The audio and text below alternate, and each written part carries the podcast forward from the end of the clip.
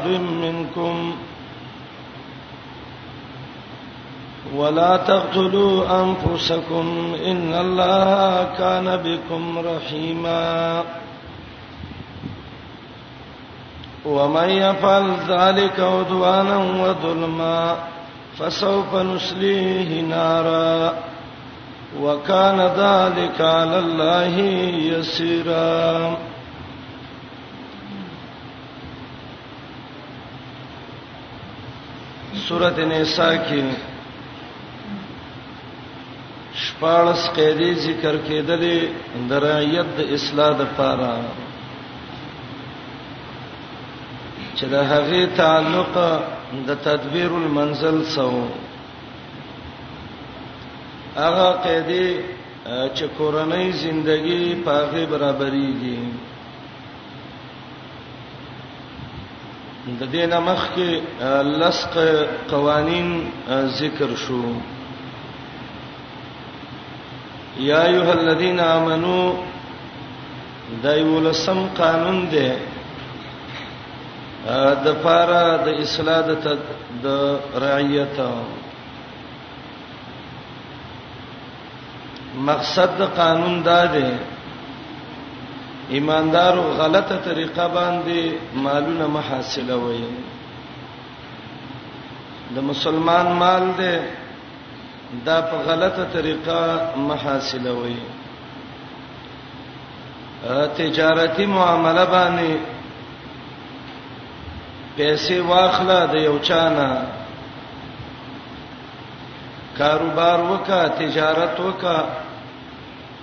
د رشوتونو او د سودونو او په دې طریقو باندې مال محاصله وي حدیث کې راغلیو د الله سخت دشمن یو هغه تاجر دی چې سودا اخلي هم په قسمونو اخلي او چې خرڅي هم په قسمونو خرڅي نه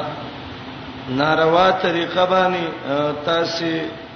مالونه مخری باطله طریقه څه ده امام الوسی وای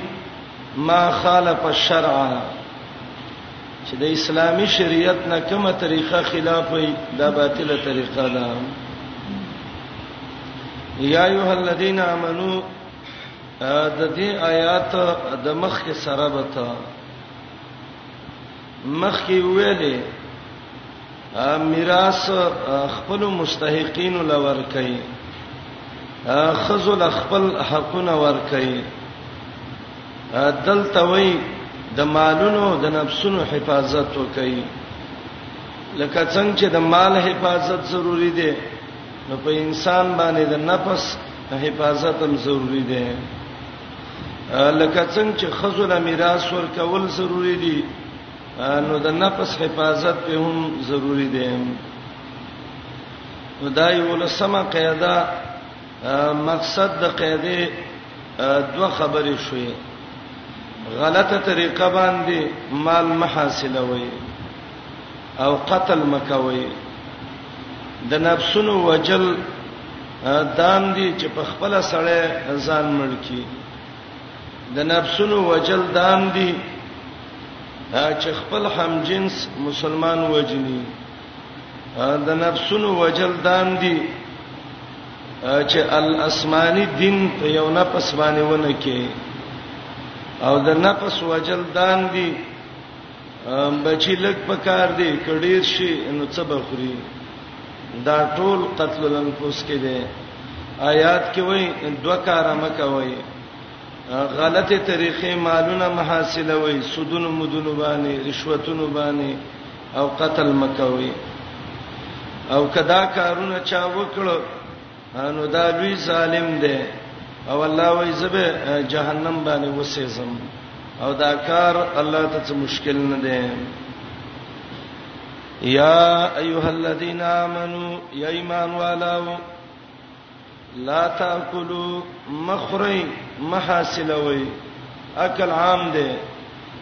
د مال خوراک ته موي حاصلولو ته موي اموالکم استاسمالنا بینکم استاس پمنس کې بالباطل په باطل طریقې باندې امام روح المانی الوسی وی الباطل ما خالف الشرع چې د شریعت نه مخالفي الا دا استثناء منقطع ده په معنا د لکن سا الا ان تکونا مگر کی تجارتن تجارت او عن ترازن یی په خوشاله باندې منکم استاسنا په خوشاله د تجارتی معامله وکړه روپۍ دې کې وګټلې دا غړې راخه ده دا به خورا دویم ولا تقتلوا انفسکم مو وجنه خپل نفسونه او خپل هم جنس ا د نفس وجل دا دوه طریقې دي یو دا چې حرام په اخره مړ لیکو او دویم دا ده چې حلال تجارتونه پرې دي نو ځان دې ملک ان الله بشک الله کان دې بكم پتا سی باندې رحیمن مهربان رحم کوونکې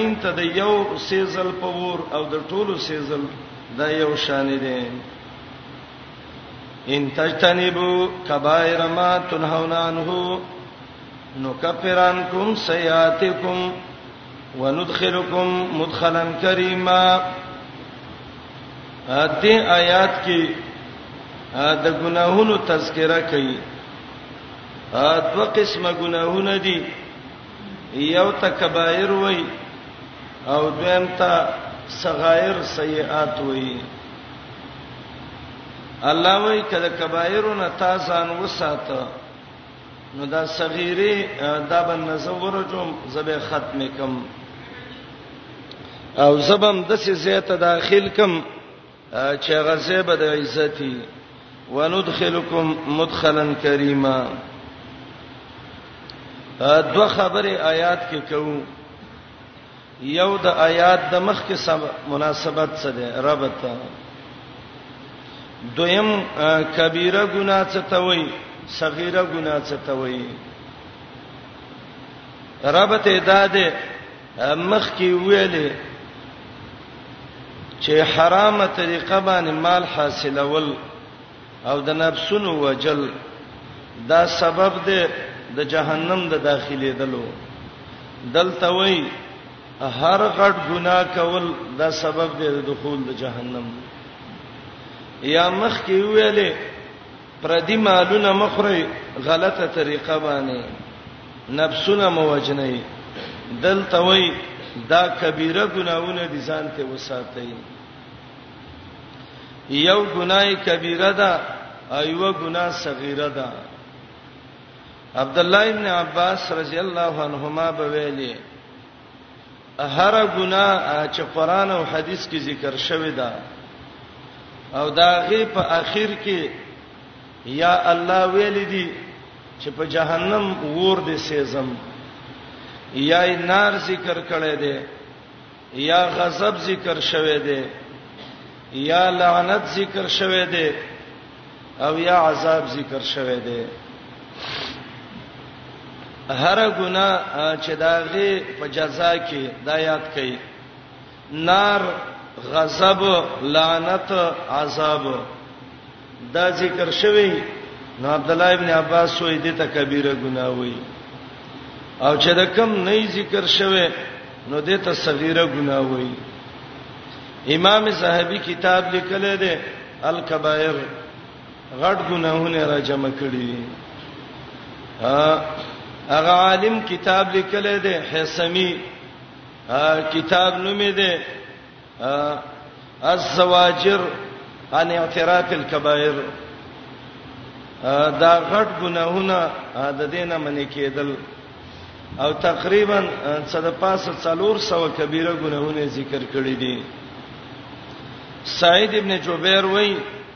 وای عبد الله ابن عباس له وسړی راغی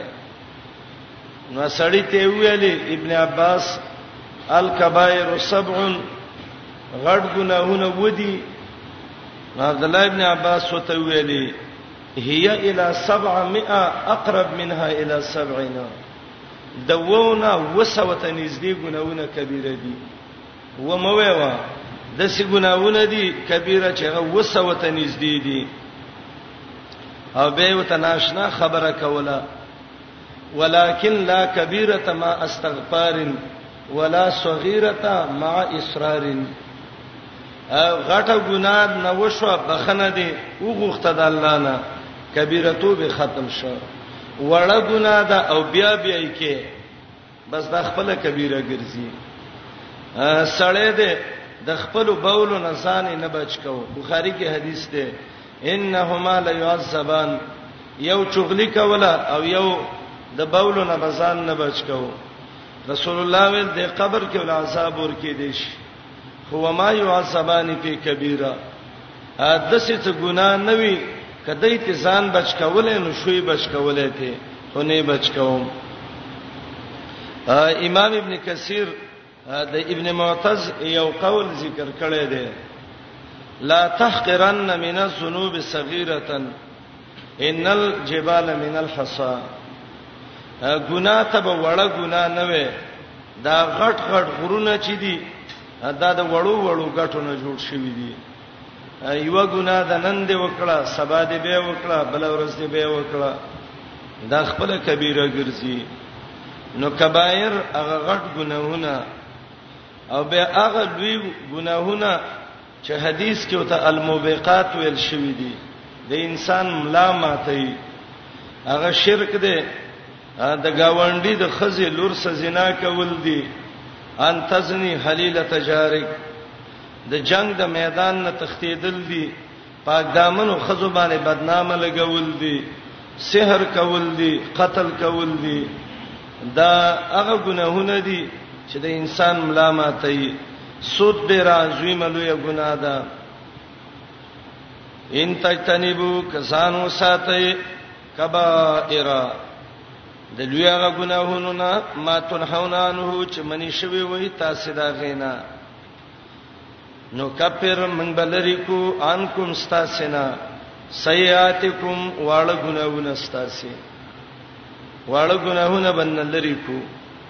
یا سیئه تکلیفونه مصیبتونه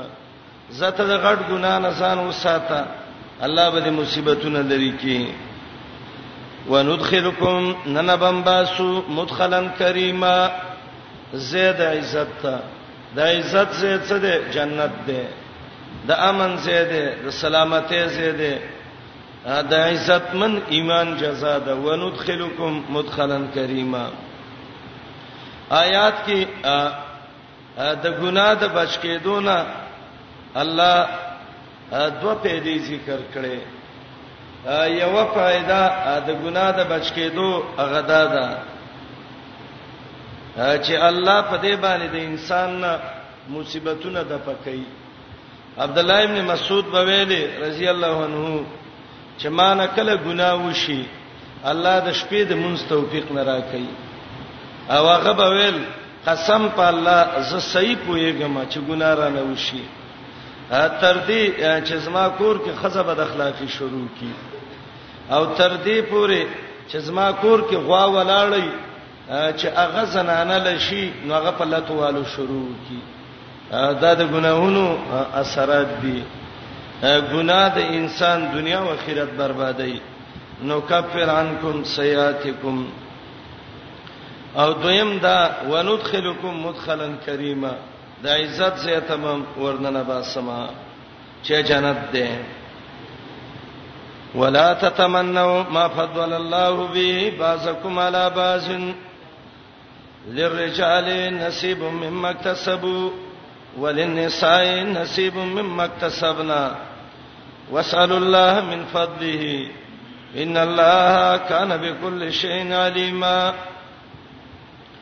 آیات کې دولسم حکم دی د اصلاح د رعیت د پاره او مقصد د حکم دا دی النهی عن الحسد بغض مکوي حسد مکوي کینه مکوي صحیح حدیث کې راغلي دي چې دا حسد او دا بغض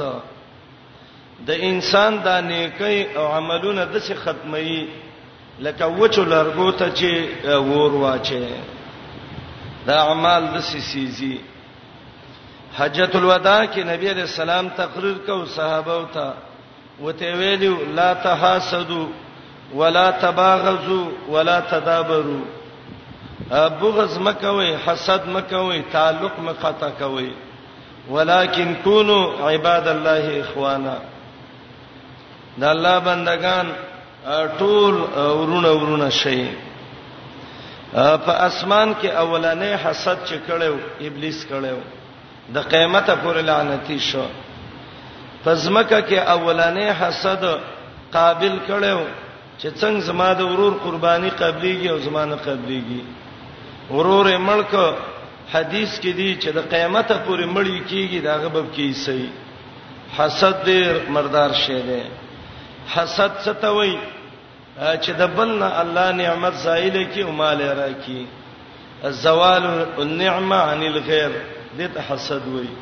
یو غیبته د غیبته پس خیدل ته وایي سیلی کول ته وایي فلانه دین کوي زبم کوم فلانه خیراتونه کوي زبم کوم غیبتا شریعت کې صحیح ده خو حسد کول شریعت کې منع دي دعا کې دعا وکړه الله د حسدګرو نه مې وساتي ومن شر حاسد اذا حسد حسن بصری ته چا ویلې مسلمان کني حسد کوي هغه وخندل وای ما انساک بنی یعقوب تا نه د یعقوب علی السلام بچی چا یې کړل اما علمت بان الاب جلاب والاخ صلاب ولتا ته پته نه و چې یعقوب خپل زوی ځان ترانیز دی کوو او ورونی لوټ کوو او تر دې چې ورورې کوي ته وغورځو مریته جوړ ک خرڅه ک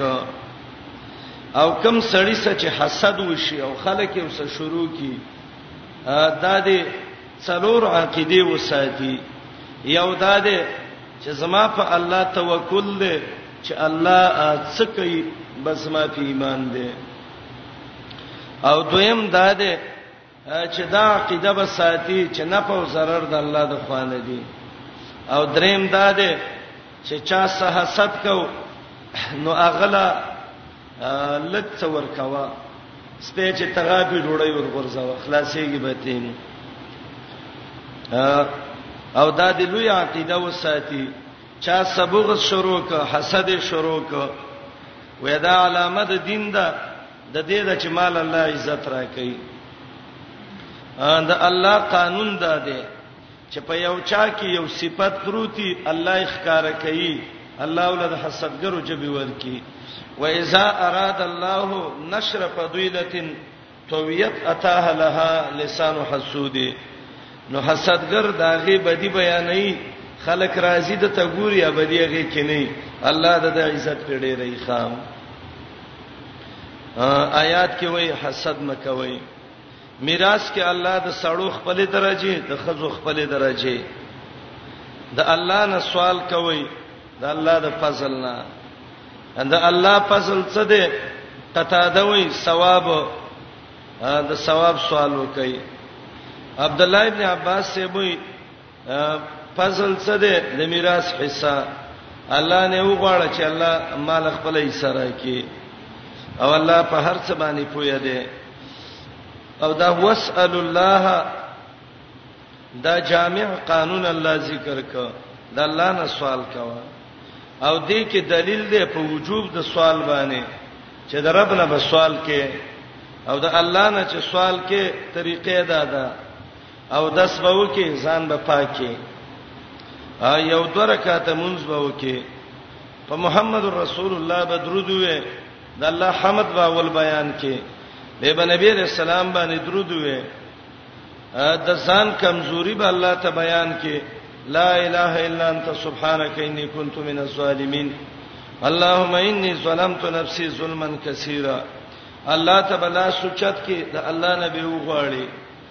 حدیث کې راځي الله ډیر عزتمن حیاناک دی چې څوک ته لاس جګ کی الله له حیا ورزي چې بیرته لاس ولا تش واپس کی ید الله ملآ لا ترد ید سائلن د الله لا سونه د خیر نه ډکې د سوال کوون کې لاس تشنه پریدیم ولا تتمنوا او د آیات د مخ کې سره بد ده مخکې ویلو غلطه طریقې باندې مالونه مخوري قتل مکوي دلته وی حسد مکوي ځکه حسد سبب د قتل دی یا دویم رب داده مخکې ویلو اندامونه د حرامو نه پاکه دلته وای زړه د حسد نه پاکه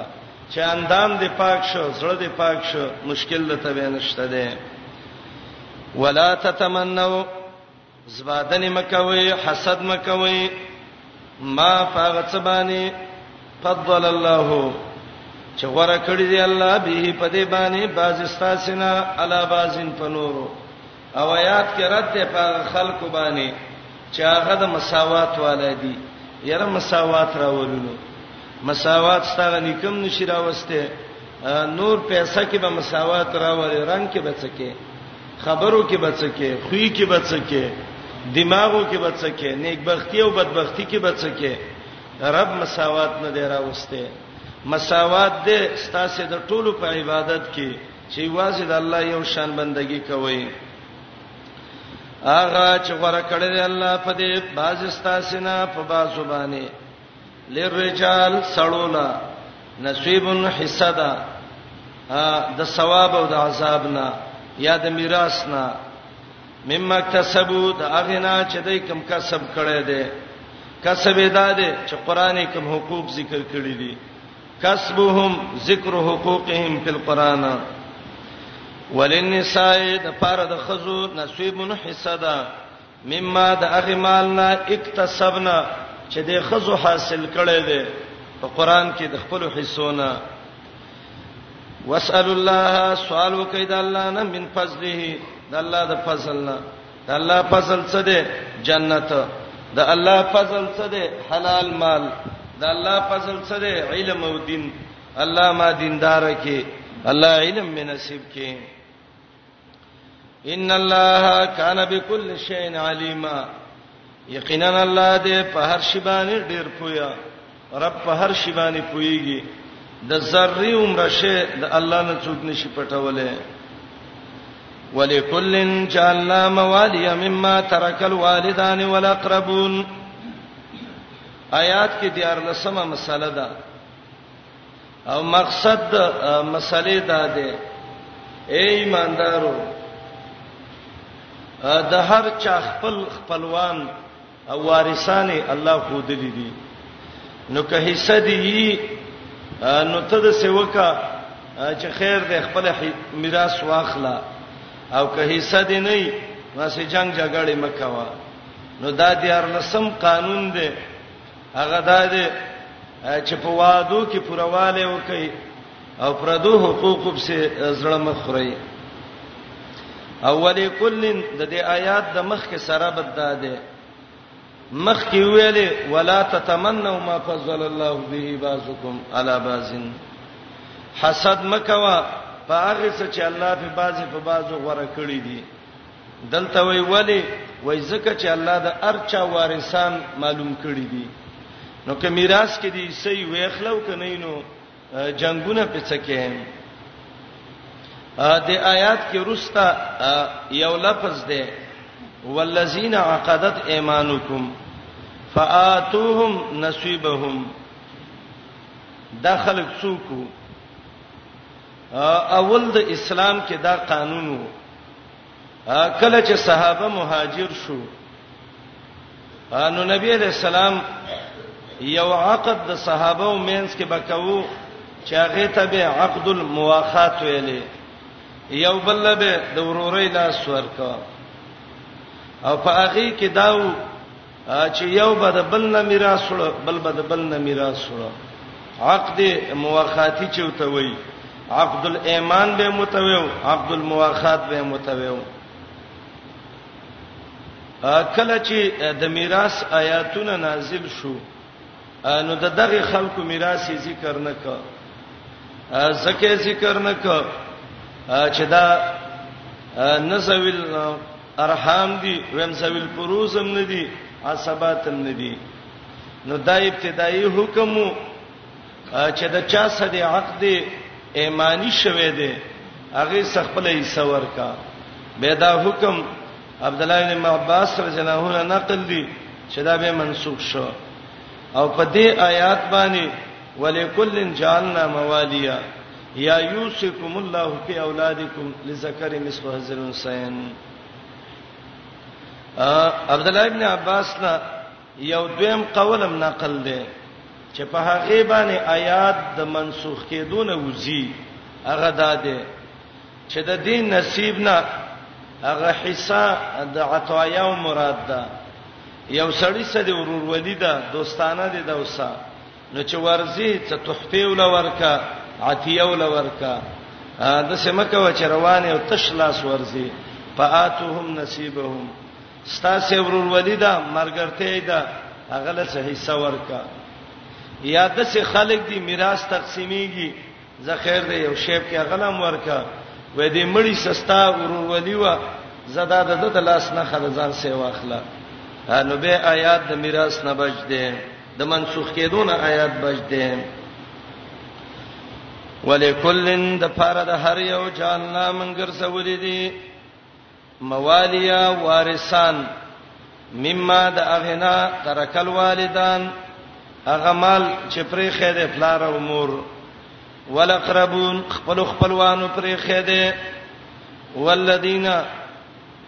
ورکه حصہ هغه خلق لا عقدت چې تړل شوی د اغو سره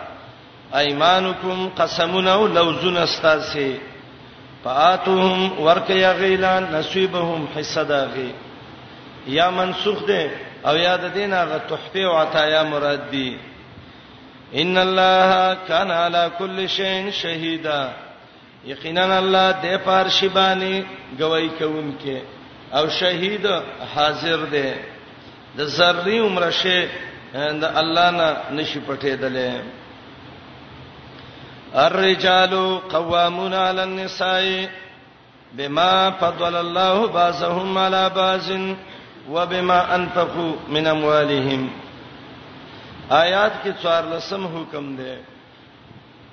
او مقصد د څوار لسم حکم دا دی چې د کور مشری د کلی مشری د ملک او د وطن مشری دا به د سړوي دا به د خزونه وي کور کې به اختیارات د خرچو د نفقو د دې د بل سړو سي الرجال قوامون د آیات د مخ کې سره بد ده مخ کې دا ویلې د سړی سړی را ده د خزې د حسینا ځکه یو سړی او دوه خزې برابر دي د آیات کې علت ول ذکر کړي علت ادا ده چې سړی مشرۍ کوي سړی خرچه کوي او چې څوک مشری او خرچه کوي اغلب زیاته یې سور کولې شي نو د سړو حصہ ډیره زیاته ده دویم مخکې هغه عقد ذکر ک چې یو عقد ده او سبب د نصرت ده سړی سړی د ورورې لاس ور کړي مدد وسوکا دلته دویم عقد ذکر کړي چې قیام الرجل مع المرأه چې هغه ته عقد نکاحي وایي صابونی صفو کې لیکلي دي او د آیات د مخ کې صدا ده الله ول ارچاله عیسی ور کوي دلته وی عیسی د خزیدا ده او د سړی چې سړی به مشری د کور مشری به کوي خزه به مشری نه طلب کوي د کسرا بادشاہ لور چې کله بادشاہانه شو وګد روایت ده رسول الله علیه السلام خبر شو چې پارس باندې د جنې حکومت راغی نو دا الله نبی ویلې چرب الله یو قوم نه کامیابی چې هغه خزي مشرانی کړي ښا الرجال قوامون قوامون د مبالغه صيغه ده ذکر رجال فعال وزن ده دا د مبالغي صفت ده او جمله اسمیه راوړې ده الرجال مبتدا او قوامون علی النساء د خبر غرض پکې دوام ده او غرض پکې استمرار ده همیشه د پاره مشریبه د خزوی نه د سړو وي نن سبا حالت الټه شوه دی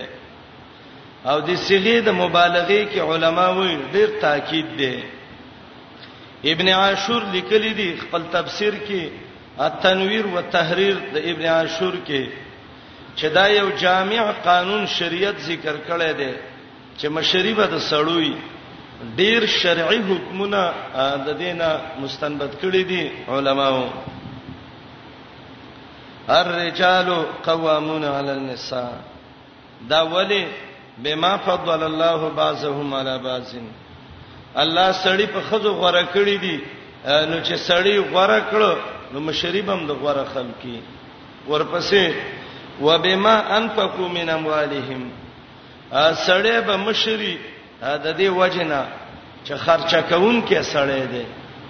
او دا قاعده ده چې الغنم بالغرم چې څوک تاوان ډیر کوي پیدا بم ډیرې دي خرچه دی وکړه نو مشری به می د څه باندې کې تا پیسې نه دی ورکړي خزله او ما خام راشي کوړتا څه دی راوړي نه او د ګډانو د چرګانو غوخه تپرتی اته وی چې الحمدلله د څه مهنت کشه خزه دی الله تعالی ورکی نه وبمان فقو من اموالهم خرچه به تکه تبه خرچه راوړي هم دا وجه وا سورته ال عمران کې ما ویلو چې د مریم سره زکریا علی السلام به موسم می ویل دي مریم جنې وا جنې له چپلار او خپلوان نه راوړي ورور نه راوړي جنې له څوک راوړي مریم متوي عیسی زکریا علیہ السلام ته وی بچی ان لک هاذا د میوه د کوم ځای نه ده دا چاره وړه څنګه درا پیدا کړ نو هغه ته وی هو من عند الله ان الله يرزق من يشاء بغیر حساب وبما انفقوا من اموالهم ورپسې آیاتونو کې الله د خزو صفاتونه ذکر کړي نیکه خزا د خاوند تابعدار خزه هغه خزه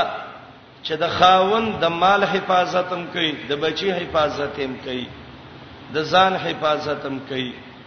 دا خزه بهترینې خزې دي فلا تبغوا عليهن سبيلا دی باندې طلاق ونه لټه امام ابو داوود یو مشهور امام دی ابو داوود دا نه دویم ابو داوود دی ابو داوود تیالیسی هغه یو حدیث راوړی دی د ابو هريره رضی الله عنه نبی علیہ السلام وی د نیک خزه درې علامی دي کما خزه چې نیکي دینداري د هغه درې علامی دي یو علامه دا ده چې خاون وته وګوري نو په نظر باندې خاون خوشاليږي زکه دا د څه کارونه کوي د څه اخلاق کوي د څه لباسونه کوي د څه خوې کوي چې دیندار خاون په دې خوشاليږي دا ولنې علامه ده یسر الزوج بالنظر او دویم علامه ده نیک خزیدا ده ول اطاعت عند الحكم چې خاون وته وای دا کار وکا او هغه وکی او دا چې خاون وته خبره وکی او دا بنګ بنګ وکی دا نیکه خزان ده اسی ګونګټه ده به پرې ده نیکه خزا ده ده ول اطاعت عند الحكم عند الامر خاون وته خبره وکی او دا بس وای سیدا جبونه کې د خاون سره او درېمه د نیک خزي علامه ده ده والحفاظت عند الغیب خاون دې نشتا د خاون په مال حفاظت کوي د خاون د بچی حفاظت کوي دا خزه خپل د خاون امانت ده د خپل ځان حفاظت کوي خاون غریب ټول ورځ دیړیګانی کوي یو روپۍ وسنی او دا چې خاوند دې کور کې نه وي چې څو روپۍ اغلاړ شي بوجي تروړه راوړي دا وای راځه یو مسپخین دې ټولي وب په ورواړه وای راوړي به غټي به کنه و نه به کولای کنه دا نیکه خزانه ده دا بی دینه خزانه دا درې علامه ابو هريره رضی الله عنه وای چې محمد رسول الله ویل دا د خې خزي علامه دي چې د خاون کتوبانه خاون خوشاله شي د خاوند د حکم کې هغه چون چراو نه کی او د خاوند په غایبوالي کې د مال د نفس د بچی حفاظت وکي الله دې د سنیکانې خزه ټولو کورونو کې پیدا کړي به به کورونو کې امن حیا عزت عفت راشي ورپسې الله یو قانون ذکر کړی دی یو خزه دا هغه نشوز کوي عربی کې کما خزا چې د خاون خبره نه مني هغه ته ناشزه وایي د ناشزه خزه حکم قران خودلې ده د خاون خبره نه مني خاون سجبه کوي خاون وتوي د څه کوا دا وې زما طبيعت د څه نه مني زما د څه کومه الله د دې خزه حکم ذکر کړی دی یو دا دې فایزهن قران او حدیث باندې ته خني سیت وکي واز خپل معنی ده زورنه ورکول په منع کې د قران د آیاتونو او تویوا پلانې آیات کې الله د سی وی پلانې کې د سی وی پلانې کې د سی وی په قران او حدیث السلام علیکم تعال کولو پخپلو دعا غانا حتا ته که په دې باندې ونه شو نو دویم ادا ده وهجرهن فی المزاجع د ډډې لګولو ځای کې ته جدا شه هجر فی المزاجع دې ته وای بعض علما وای چې کم کمره کې دا ود کیږي ته مو ورزه کمرې لا دای دویم او هجر فی المزاجع دام ده چې ته خبره مسبند کا او حجز هجر په المزاجع دام دې چې کم کټ کې اغه د اغه لتم ورزه دا به پوه شي کده کې عقدي او عقل کې به دا سوچو کې چې نن رانه کوټه جدا کړه کټه جدا کړه سبا مې د کور نو باسي او کور مې جدا کړي او خیره بشي دام ونشو وزربهن به یو وای لګي اخو وهل حدیث کې راغلي دي ضربن غیر مبرح د څه بینوي چې لاس په په ماتي کې یا په مخ او په دغه باندې نخي وشي عبد الله بن مسعود بویلی چې کور کې لخته تنکۍ لخته همیشه ځوړند ساته خزه وران شي بچي وران شي او گزار ور کاوله ضربن غیر مبرح د سبوال بنئ چې تا ډانګې راغستې دي او گاونډین و چې دا جوار ټکې نه او ته لګي خزه وې دا شی باندې کې حدیث د مسلم کې راغلي دي ضربه بالسواک یو غټ کونتی مسواک باندې وو یو ډب تیوباسه زمنګ سیواجی سیبو ډیر کلونه درس کې شریک شوو وسوپات شوه دی الله دې قبر ولد نور نه ډکی ما دا سیوو چې غلې مې خواته ناس وای احملې سیدا دې څنګه خبره وکړه وای څه کې دا خزې مسته مې نه سیدا الله وصول خود لیدي مسلم کې حدیث ده ضربه بالسواک او دین ادم معلومیږي چې د مؤمن مسواک باندې غټي سوډا بور کې خوګيږي به خو حدیث عبد الله بن مسعود کې دا دی چې یو تنکي لخته کور کې ځوړندوا دا ډیر خي ا وزربهن وی وی وی بعض خلک د زناور وال کوي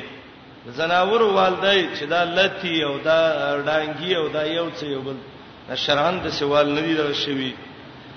امام لوسی اغا روح المانی کې وای وای اتفاق د علماو ده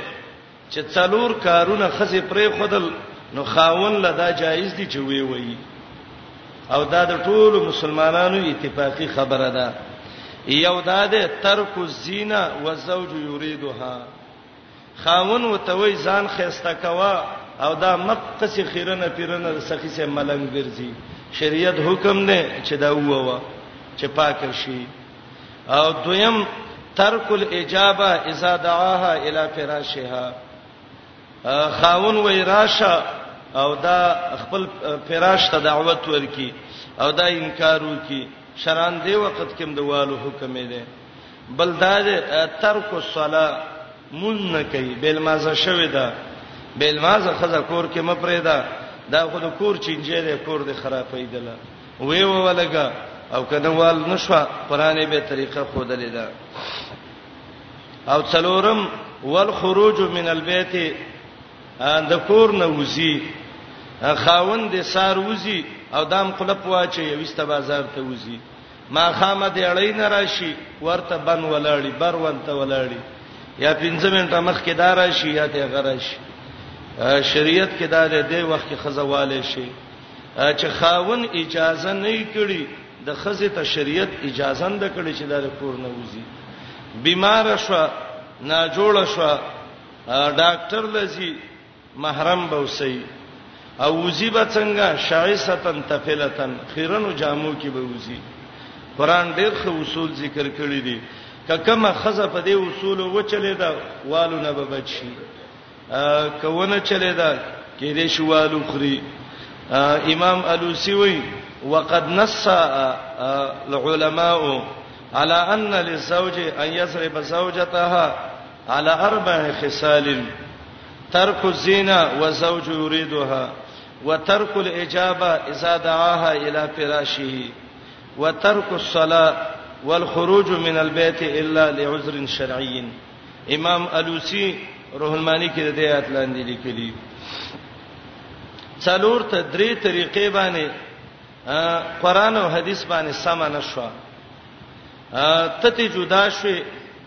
د دې څه عقل رانغه سم نه شو و دی والا دا به پی نه شو نو شریعت کې حکم داده چې به بدا خزه کور کې نه ساتي طلاق لورکا هغه د بل د سلیوانې غونډه خاون ځان له ګوري چې بل مازي او بيدینه غونډه شي او طالب الله خخزه درکې او کچیرته په دې باندې خزه پویا شو نو قران وای فلا تبغوا عليهن سبيلا به په طلاق لار مطلب کوي به چله طلاق پریدا او مفهوم مخالف ادا دی ک اطاعت یو نکد دی نو به طلاق ورکا الله دی علین ډیر اوچت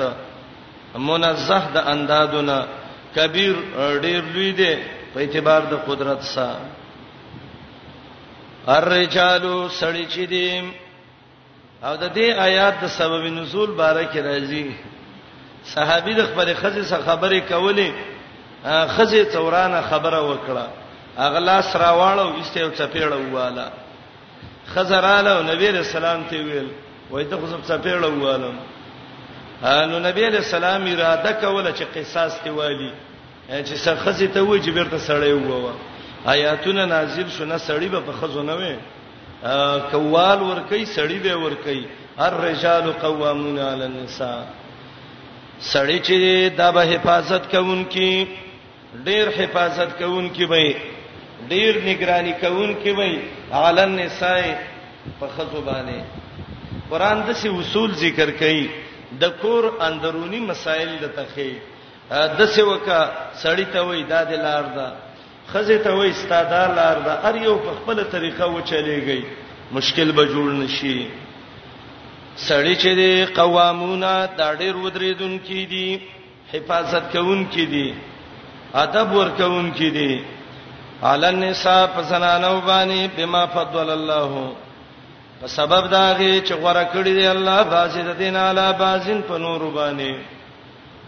غورواله د سړی ډیر دی بالکل امام ابو حنیفه رحمت الله علیه عالم حسن ابن علی ابن حسن ابن علی سومری د د واقعې کې لیکلي دي سړی ولراغه امام ابو حنیفه صاحب سا د علی رضی الله عنه وسیو لار کې مخامخ شو هغه ته مخ واړو امام ابو حنیفه صاحب ته وی لمن حربت عني دا مخ دی ولې وګرځاو نو د علی رضی الله عنه وسیو ته وی حسن ابن علی ابن حسن ابن علی وان حربت عن دین جدی زه خبر شوم چې زما د نیکه د دین نه ته ګرځیدلې نو ځکه مې تانه مخ واړو نو امام صاحب ته وای هغه سړی دی الله مړ کی چې ستاده نیکه د دین نه مخ خړولې ما کله مخ خړولې ده نو هغه ته وای ما ته دا رسیدلې ده چې انک تقدم الرای علی النص ته قیاس په آیات مخ کې کې وس اکثر دا حضرات راشي قیاسونه راوالي او په قران مخ کې کوي امام صاحب څه وایي رب دې هغه سړی تباہ او برباد کړي چې هغه په قران او حديث باندې ریګانې د علماو مخ کې کوي قاتل الله من يقدم الرايه على الناس به امام صاحب ته ویلې تکین حسنا زنه درې ته پوښتنه کوم ما ته به جواب راکې یو ته پوښتنه دا کومه چې مونږ ډیر قیمتي عبادت دی او کروجا اسلام کې د کم یو اهمیت چت دی نو حسن وتوي د مونږ وای ته پوسټ نه دا کوم چې زنانه بیمار شي په د مونږ قضایي پښتا هغه وینا وای د روزي پښتا وای او وای کچیر ته ما قیاس مخ کې کوله نو ما به ویل چې د روزي قضا دی پې نه یو د مونږ دی پی ځکه مونږ ډیر قیمتي عبادت دی خو زه روزه پې ویم چې د روزي قضا به ځکه دا د محمد رسول الله حکم دی د الله حکم دی ا دویم یو تداویلې زن دا تفوس کوم واړه بول ډیر پلیت دي کمنی نطفه ډیره پلیته ده نو هغه ته وای چې البول انجس نو به وته وای په خروج د بول څه شی راځي وای او داس او په خروج د منی باندې وای غسل وای کما قیاس مخکې کوله ما بده سی ویلې چې په خروج البول د غسل شي او په خروج المنی دی او دغه شی وضو شي دا کله دې په طهارت کې مختلاف دی او زه قیاس نه مخکې کوم زنس مخکې کوم او درې مې ورته ویل زنه تپوستا کوم الرجل اضعف ام امراه خزه کمزورې ده او که سړی کمزورې ده ناغه ته وای خزه کمزورې ده سړی نه ده ځکه به ما فضل الله بعضهم علی بعض دایات ته ویو سړی الله غره کړی دی هغه ول میراث کې د خزه څو حصے دی او د سړی وای د سړی دوه دی او د خزه یو ده هغه ول کما قیاس مخ کې کوله ما به د سی ویلی وی چې خزه د دوه حصے والی ځکه کمزورې ده او سړی دی یو والی قوی دی بل د ځان له بار وګټي او زه خیاس نه مخ کې کوم رب دې هغه سړی تباہ او برباد کی چې هغه نسو باندې قیاس او ریګانې مخ کې کوي د امام صاحب ته د اخیری کړی دي حسن را پاتې د غاړې ولور کړه وای تعالی دې الله اجر درکې ما ته خلکو ډېر غلطه خبر را کړې و اعلام کې امام ابن قیم دا مسله ذکر کړې ده چې مذهب حنفي دا دی چې نسب مخکې کې نن خلک وای موږ ځان ته احناف یو حدیث راشي ویړی را ویړی چې نور ته هر څورک شي وای دا زما د مذهب نه خلاف دی ځکه نه منم د سیموایا بما فضل الله بعضهم على بعض پاغه څه چې غره کړی دی الله باسي د دینه په باسو باندې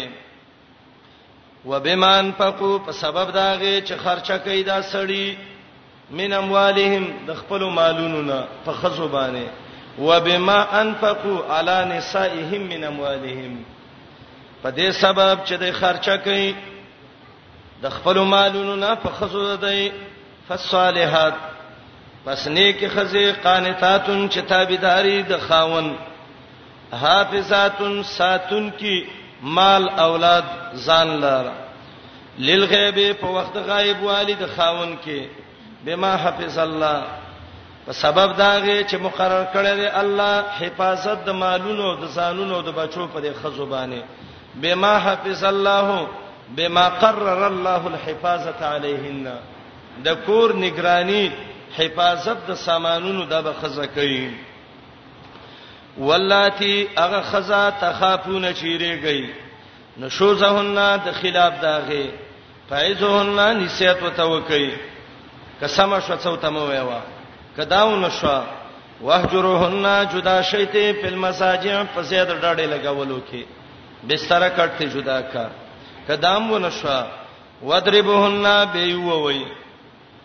فإن طعنکم که خبر الله ومنلا فلا تبو علیهن سبیلا ملټوي په دې باندې لار د طلاق سبیل نه سبیل الطلاق مراد ده او اطعنا ویلي اشاره دې ته چې خزو کې د اطاعت ماده کم ده نو کې اطاعت یو کې به ته سغواړي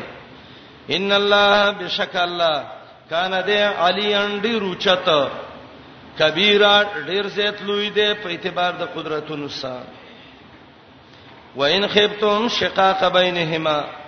پنځلسم قانون دا قانون اولیاء ته دی یا دا قانون دی د ملک حاکمانو ته بادشاهانو ته وای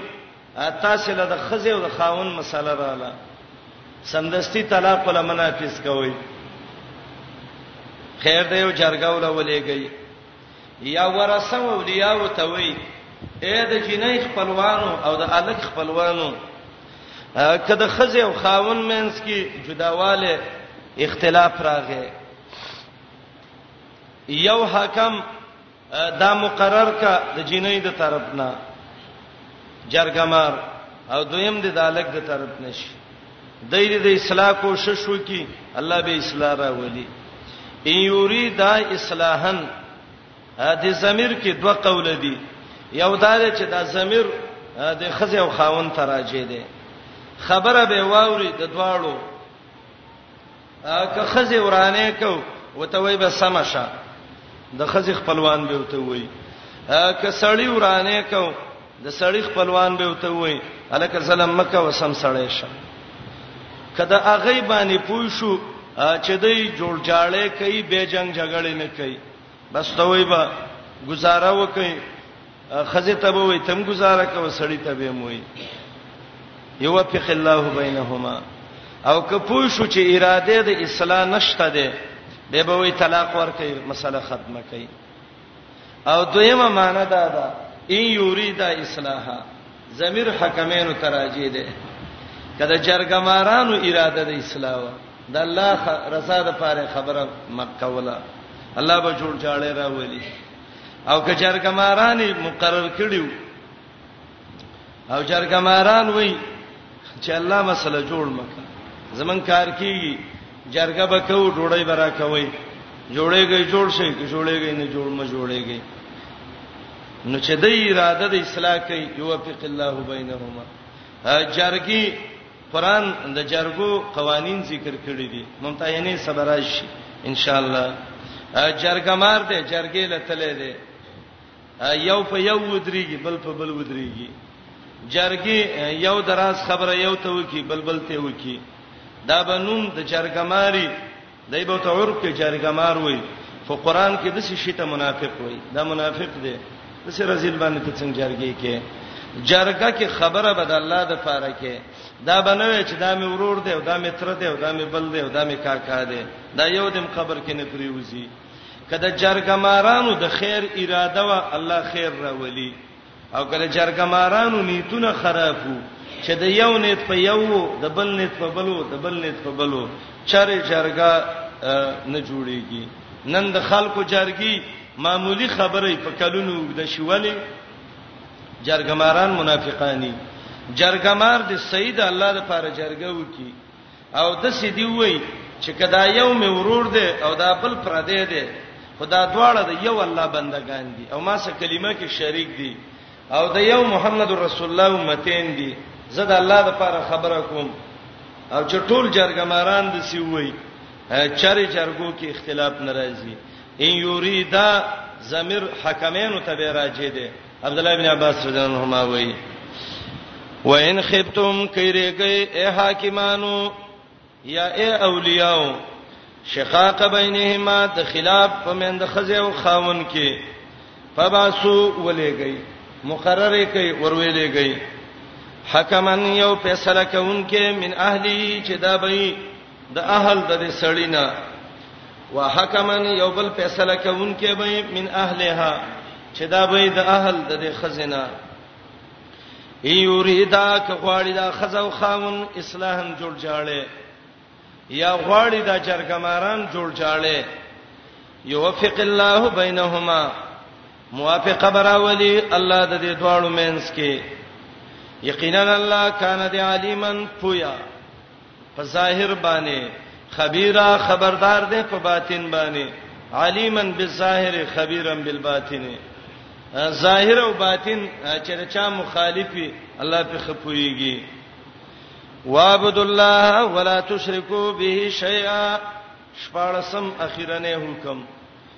او دیته ختامه بالمسک مشک عنبر باندې عنوان ختمي دا آیات د مخ کې سرابت مناسبت مخ کې ویلې د خزو سه احسان وکي عدل ته وای د نور خلکو سم احسان وکي پلار مور گاونډي یتیم مسكين دای صدقه وکي یا مخکې احکام د تدبیر المنزل ذکر کړه هغه امور چې د رعیت اصلاح پر راځي دلته وای چې ترڅو پورې عقیده د توحید نه اخلاص نه د کور اسلام شریعت لله او دا آیاتونه د عبادت احسان بار بار تیر شوی وو ایولس اوامر ګورای وتا وعبد الله بندگی د الله وکي عقیده د توحید کا دویم ولا تشرکو به شی الله سره سره بر شرک مکو شیان نه کړه دا پس یار د نه فکر راغلی دا دریم وبالوالدین احسانا مور او پلار څخه ښېګړه وکړه څلورم وبذل قربا خپل خپلوانو سره خپلوان دي دي دا غوسه احسان وکا هغه سره رحمی ختمي تیمه ختمه وا پنځم ولیتاما یتیمانانو سره احسان وکا یتیم دي ځان سره راونی سره احسان په وکا والمساکین مسکینانو غریبانو سره احسان وکا گاونډی دې دې غریب دې مسکین د خوراک درک وسنی ستا جبړک دې لاس وسواړه وا والجار ذل قربا گاونډي چې هغه ډېر نږدې دي نږدې گاونډي څوک دي علما وایي 50 تو کورو پورستان نږدې گاونډي اند گاونډي خیال وساده جار الجنوب چې د دینه بیا خوې صحابي ته نبی عليه السلام وایي چې کور کې غوخه راوړي او پخې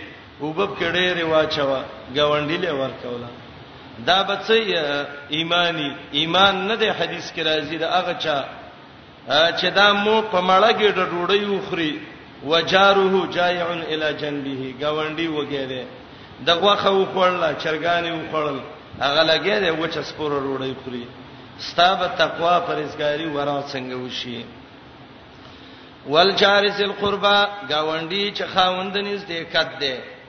یو معنا هغه گاونډي چې نسبی دی خپل دی یا قربان نږدې گاوند کې دستا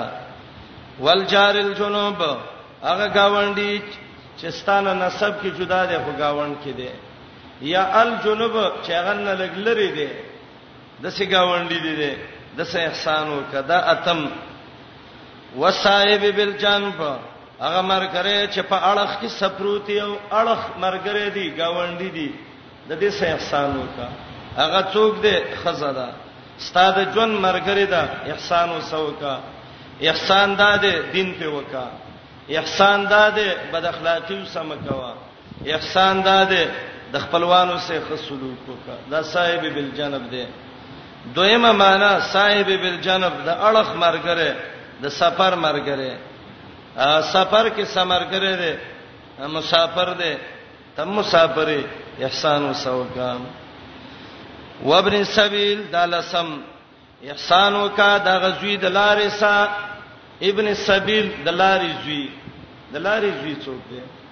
چې د لارې نه پیدا دی د لارې زوی نو د لارې زوی ته فرمونه وایي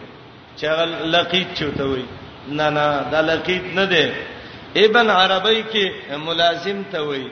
ابو ابن د دې خپل عربان دا مستعملي یو څوک چې یو چا سره ډیر لازمی او ډیر وسګرځي نو هغه ته ځکه اب او ابن عربان مستعملي دا معناونه کې چې وابن سبیل د لارې بچي هغه سړی چې همیشه په لارې رواني ته به دا د لارې زوی دی دا څوک دی مجاهدین دا څوک دی حاجین دا څوک دی د قران او د حدیث طالبان چې په جمعاتونو په ملکونو باندې ګرځي او علم زده کوي گاون کې طالب دی سا ابن سبیل دی مسافر دی اختر را روان دی بچوله جامع خلی طالب العلم له مواخله اب خپلو بچو له چپلې علي طالب له هم واخله ځکه ته خو خپل زوی له دی واغسته خدا د سې دین یادای چې د ټول امت فکر دی وسه د لارې بچی دی ابن السبیل ابو ابن عربانو بټولو دی کې مستعمله و مشهور علما دي دا دوا یو دی علامه بدرالدین عینی او دویم دی علامه ابن حجر دواړه د بخاری شارحین دي اتلس جزء کې تقریبا د فتح الباری اوس ابن حجر چې لیکل دا او 50 جزء کې عمدۃ القاری چې دا بدر الدین عینی لیکل دا دا دواړه باجګانو ته وي کسانډوګانو ته وي د دواړو خزه خويندې وي او د دې باره کې د سیو چې عینی حنفي مذهب او ابن حجر چې وو د شافعي مذهب یو او د دمشق په لوی جمعات کې د یوې منارې لاندې به یو بخاری درس کوله بل طرف ته به بل درس کوله په سونو طالبان به د یو سمو او د بل سمو امام ابن حجر ابن حجر یو ته وای ابن حجر دا معنی درګټی شوی دی علم یې د سه مضبوط او تبه سم سندنه یې ګټه ده ابن حجر یا ابن الحجر ابن حجر د کانو کاروبار کو نو ابن حجر ته دی وجنویو یو ځل ناس ته درس کوي د بر مناره د جامع مسجد نه یو کانه را وغورځید د ابن حجر پاک سره خرول او دا سره په ولګید یین لاړې کتب بخاری او څه سیدلې ا د طالبان ورونو کې دا د وړلو راوړلو ماده ډیره ده یو چا معمولی خبره نه کړي دا سړی تر رسیدلې سمدستی وای یاره تاب څه فائدې سی ویلې دا علما ټول د طالبانو څخه ګډوډ کړي دي علماو کې تمیز نشته چې چاته خبره وکړه چې پلاني د څه د سی ویلې وتا ته څه تکلیف ویلې دي کنه یو دوه د څه ورټه الله غواړي کدریم به د چلو کی طالب په منډه باندې را پات شه راغه عینی ته ویلې ستاده غ سانډو دغه باجا سر په غټه ولګید نو هغه ټوکه وکړه وای اصابه ابوه دا هو ابن حجر دی ابن حجر د غټي زوی دی نو غټه پلار شو نو پلار زوی وای کنه نو غټه زوی چو نو غټه رالو سره لويشته دې طالب باندې وخت تیر نشالته ځکه خبره چې خورې په کلی کې او وې چې د ریزوټیشن نظر خورې شي نو دوه طبقو خلکو ته ورمخ کې کا یا خزو ته وې وا په ټول ملک کې په ګنټه کې خبر خورې او یا طالبانو ته وې وا ان شاء الله ډېر زر کار دا ډېر خوشی مرز دی ښا راغه امد شبیر ته ابن حجر تراور رسیدو وته ویل شیخ هغه ویل وې د عیني درس کې ناستم ستاره ساندو درس کې او خبر شو چې د سر مات شو وې هغه ویل چې بس اصحاب هو ابو ابن حجر د غټي زوی دی نو غټه پلار ده خیر د خپل پلار په سر مات څه خبره ده نو هغه غصه شو وې ما اصابني ابي ولكن اصابني عين عيني عینی خپل معنی د سترګور وی ویل چې ګټه داله سر نه دی مات کړي خدغه عینی ما خسته بخاری ویل کې دې شورې دلی نو دې سترګور د نظر کړم ولکن اصابنی عین عینی ابن عربی کې ملازم ته وای ابن سبیل هغه څوک چې د لارې ملازمی همیشه په لار رواني وما ملکت ايمانکم هغه څه چې مالکانی ستاسو خلاصونه مریان دي وینځي دي دایسه احسان کوي ما ملکت ایمانکم دام ده تاسو یو سړی مزدوري کوي دیړی سکی ستا ډرایور ده ستا څوکیدار ده ستا خادم ده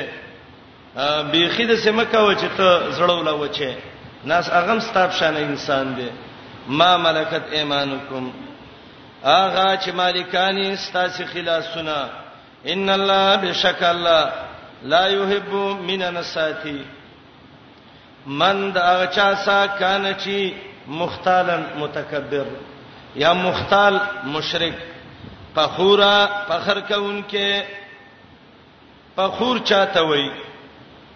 الذي يعد محاسنه على الغير چې خپل احسانات په خلکو باندې ټول ورځ باتای ها طالب له چیرته جمعات کې وډوړې شوړه ورکړه یو روپۍ له ورکړه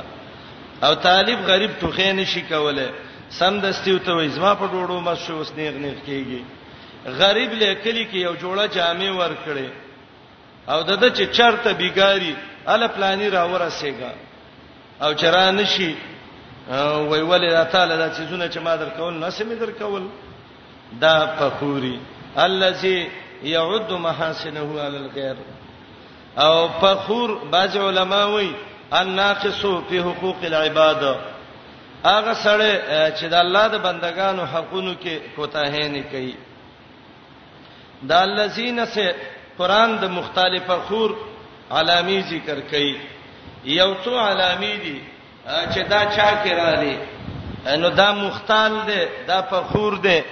الله د د سمینه نه ساتي تقریبا شپږ علامی قران ذکر کړی دي یو دا چې بخل کوي دویم دا متعدی بخیل خلکو ته بخل باندې حکم کوي دریم الله ولا مال ورکړی دی دای پټي پیسې وسې پلاني څنګه چل دی دا به مړ شومه د ولګي تبا شومه یا الله دې زما د حال نه وساته او د ادبار د پاره د گاونډي نه یو څو روپۍ هم قرض کی کته ته وې پلاني د دین کار دې څور کا وای زما دې ډیر سپاره قران وې چې ورشه ګور دې پلاني مرا باندې دونه روپۍ دي منافق ته قسم څه دی ويكتمون ما اتاهم الله من فضل